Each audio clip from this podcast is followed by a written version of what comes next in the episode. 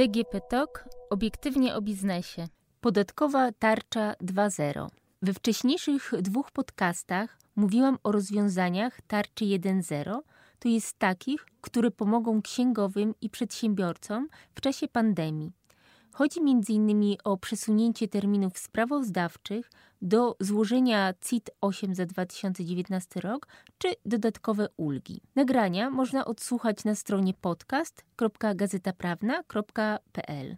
Dziś powiem, co jest w tarczy 2.0. Zacznę jednak od tego, że w propozycjach antykryzysowych pojawiają się rozwiązania, które są trochę obok pandemii. W tarczy 1.0 Przykładem tego jest wydłużenie terminów rotacji firm audytorskich w jednostkach zainteresowania publicznego z 5 do 10 lat oraz przepisy wprowadzające e-paragony. W tarczy 2.0 pojawia się natomiast zmiana dla osób handlujących kryptowalutami. Sprzedaż i zamiana wirtualnych walut już na stałe będzie zwolniona z podatku od czynności cywilnoprawnych. Obecnie również nie ma PCC od takich transakcji, ale zwolnienie to jest dziś zapisane w rozporządzeniu, które będzie obowiązywać tylko do 30 czerwca 2020 roku. Od 1 lipca będzie to już zapisane wprost w ustawie. Kolejną kwestią, o której chciałabym powiedzieć, jest wsparcie dla organizacji pożytku publicznego. Radni gmin w uchwale będą mogli zwolnić organizacje pozarządowe mające status organizacji pożytku publicznego z podatku od nieruchomości. Chodzi o takie organizacje, których płynność finansowa uległa pogorszeniu w związku z koronawirusem. Oczywiście radni będą też mogli przesunąć im w czasie raty podatku. Analogiczne rozwiązanie pojawiło się w tarczy 1.0 dla przedsiębiorców w trudnej sytuacji. Jest jeszcze jedno rozwiązanie wspierające OPP. Chodzi o to, że kwotę 1% PIT podatnicy będą mogli przekazywać im w zeznaniu PIT za 2019 rok lub w oświadczeniu PIT-OP również po 30 kwietnia. Naczelnik Urzędu Skarbowego przekaże 1% podatku wybranej przez podatnika OPP na podstawie wniosku wypełnionego w zeznaniu podatkowym złożonym do 1 czerwca 2020 roku albo w korekcie tego zeznania złożonej do 30 czerwca 2020 roku. Warunkiem przekazania tej kwoty będzie zapłata przez podatnika do 30 czerwca 2020 roku podatku w pełnej wysokości. Podatnicy PIT, szczególnie przedsiębiorcy, powinni jednak uważać na to rozwiązanie. Z tarczy 1.0 wynika bowiem, że kary uniknie tylko ten, kto złoży zeznanie roczne za 2019 rok oraz wpłaci należny PIT do 31 maja 2020 roku. A co z 1 czerwca 2020 roku? Według ekspertów w tym przypadku nie będzie przesunięcia, mimo że 31 maja 2020 roku przypada w niedzielę. Ponieważ w przypisach jest pewna nieścisłość, lepiej więc nie ryzykować i nie składać PIT 1 czerwca. Nie będzie problemu z podatnikami, których obowiązuje druk PIT 37 i PIT 38.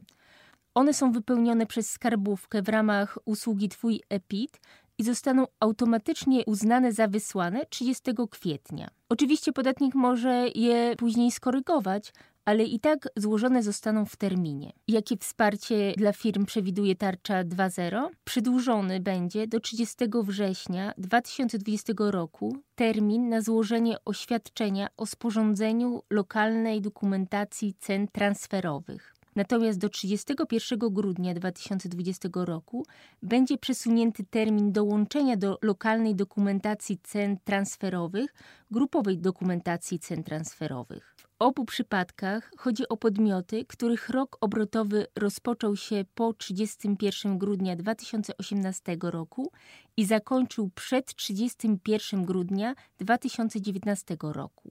Kolejną sprawą jest zwolnienie z warunku rentowności podatkowych grup kapitałowych.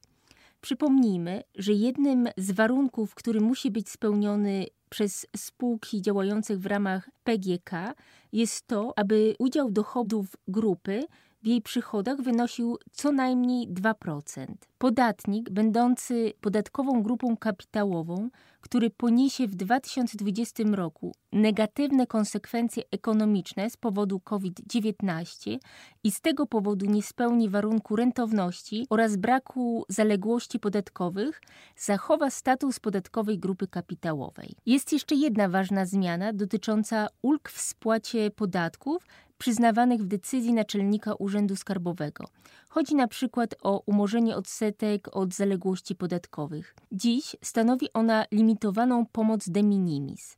Zgodnie z tarczą 2.0 ma być to inna pomoc publiczna, na którą zgodziła się Komisja Europejska w ramach tzw. Tak tymczasowych ram, czyli do limitu wynoszącego 800 tysięcy euro na przedsiębiorstwo. Do tego rodzaju pomocy publicznej w ramach tymczasowych ram zaliczane będzie wspomniane wcześniej zwolnienie z podatku od nieruchomości przedsiębiorców w trudnej sytuacji spowodowanej koronawirusem. Potwierdził to prezes Urzędu Ochrony Konkurencji i Konsumentów. Powiem jeszcze o zmianach dla firm audytorskich. Polska Agencja Nadzoru Audytowego czyli obecny organ nadzoru publicznego, będzie mogła przeprowadzać kontrolę w firmach audytorskich wyłącznie elektronicznie. Kontrola w takiej formie będzie mogła się jednak odbywać po uzyskaniu zgody kontrolowanej jednostki. Pana będzie mogła przysyłać cyfrowo również takie dokumenty jak zawiadomienie o zamiarze wszczęcia kontroli lub o jej zakończeniu. Na koniec dodam, że Ministerstwo Finansów planuje też wydać rozporządzenie, które wprowadzi możliwość stosowania stawki 0% VAT dla darowizn, laptopów i tabletów na rzecz placówek oświatowych, organizacji humanitarnych, charytatywnych lub edukacyjnych i operatora ogólnopolskiej sieci edukacyjnej. Preferencja ta zostanie wprowadzona rozporządzeniem wykonawczym do ustawy o VAT na okres dwóch miesięcy. Wcześniej planowano podobną zmianę wprowadzić w samej ustawie o VAT.